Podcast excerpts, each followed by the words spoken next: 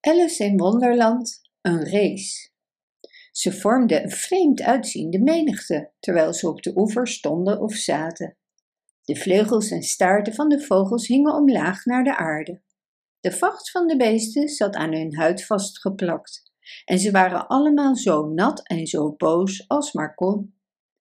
De eerste gedachte was natuurlijk hoe je droog kunt worden. Ze praten er lang over, en Alice deed mee, alsof ze hen haar hele leven kende.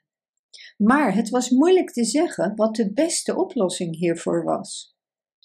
Wat ik wil zeggen, sprak de dodo uiteindelijk, is dat een race de beste manier is om ons droog te krijgen.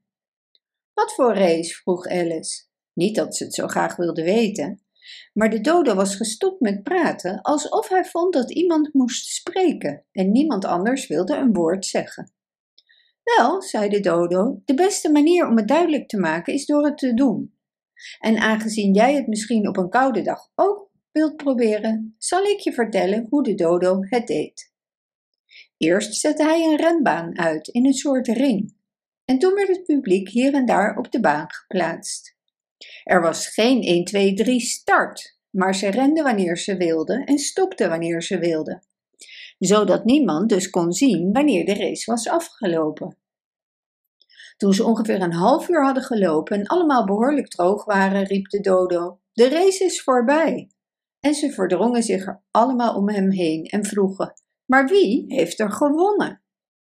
Dit kon de dodo aanvankelijk niet zeggen. Hij zat lange tijd met één klauw tegen zijn kop gedrukt en dacht na, terwijl de rest wachtte, maar niets zei.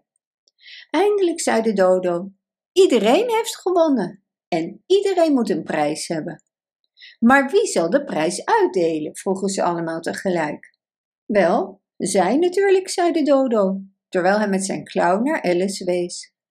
Het hele gezelschap verdrong zich meteen om haar heen, terwijl ze riepen: Een prijs! Een prijs! Alice wist niet wat ze moest doen, maar ze haalde een doos met kleine cakejes uit haar zak. Door een vreemd geluk waren deze niet nat geworden toen ze in het water was. En ze deelde de cakejes uit als prijs. Er was voor iedereen een stuk. Maar zij moet natuurlijk ook een prijs hebben, zei de muis. Natuurlijk, zei de dodo. Wat heb je nog meer meegenomen? vervolgde hij, terwijl hij zich tot Alice wendde. Een vingerhoedje, zei Alice, die heel verdrietig keek. Geef het hier, zei de dodo. Toen dromden ze allemaal weer om haar heen, terwijl de dodo de vingerhoed teruggaf aan Alice en zei: Wij smeken je om deze fijne vingerhoed aan te nemen. Toen hij deze korte toespraak had gehouden, juichten ze allemaal. Alice vond het allemaal nogal dwaas, maar ze keken allemaal zo ernstig dat ze niet durfde te lachen. En omdat ze niet wist wat ze moest zeggen, maakte ze een buiging en nam de vingerhoed aan, terwijl ze zo serieus mogelijk keek. Het volgende was het eten van de cakejes. Dit veroorzaakte wat lawaai, omdat de grote vogels zeiden dat ze hun eigen cake niet konden proeven en de kleintjes zich verslikten en op de rug moesten worden geklopt. Eindelijk was het voorbij en ze gingen in een kring zitten en smeekten de muis om hun een verhaal te vertellen. Je zei dat je ons zou vertellen waarom je een hekel hebt aan katten en honden, zei Alice. Mijn verhaal is een lang en een triest verhaal, zei de muis, terwijl hij zich met een zucht tot Alice wendde. Dat het een lang verhaal is, geloof ik zeker, zei Alice terwijl ze neerkeek op de lange staart van de muis. Maar waarom noem je het triest? Ik ga het je niet vertellen, zei de muis, terwijl hij opstond en wegliep. Kom alsjeblieft terug en vertel ons je verhaal, riep Alice. En iedereen riep ja, graag. Maar de muis schudde zijn kop en liep door en was al snel uit het zicht. Ik wilde dat onze Dina hier was, zei Alice. Zij zou hem snel terughalen. En wie is Dina, als ik vragen mag, zei een van de vogels. Alice vond het leuk om over haar huisdier te praten. Dina is onze kat en ze kan zo goed muizen vangen, dat kun je je niet voorstellen. En oh, ik wilde dat je haar een vogel kon zien achtervolgen.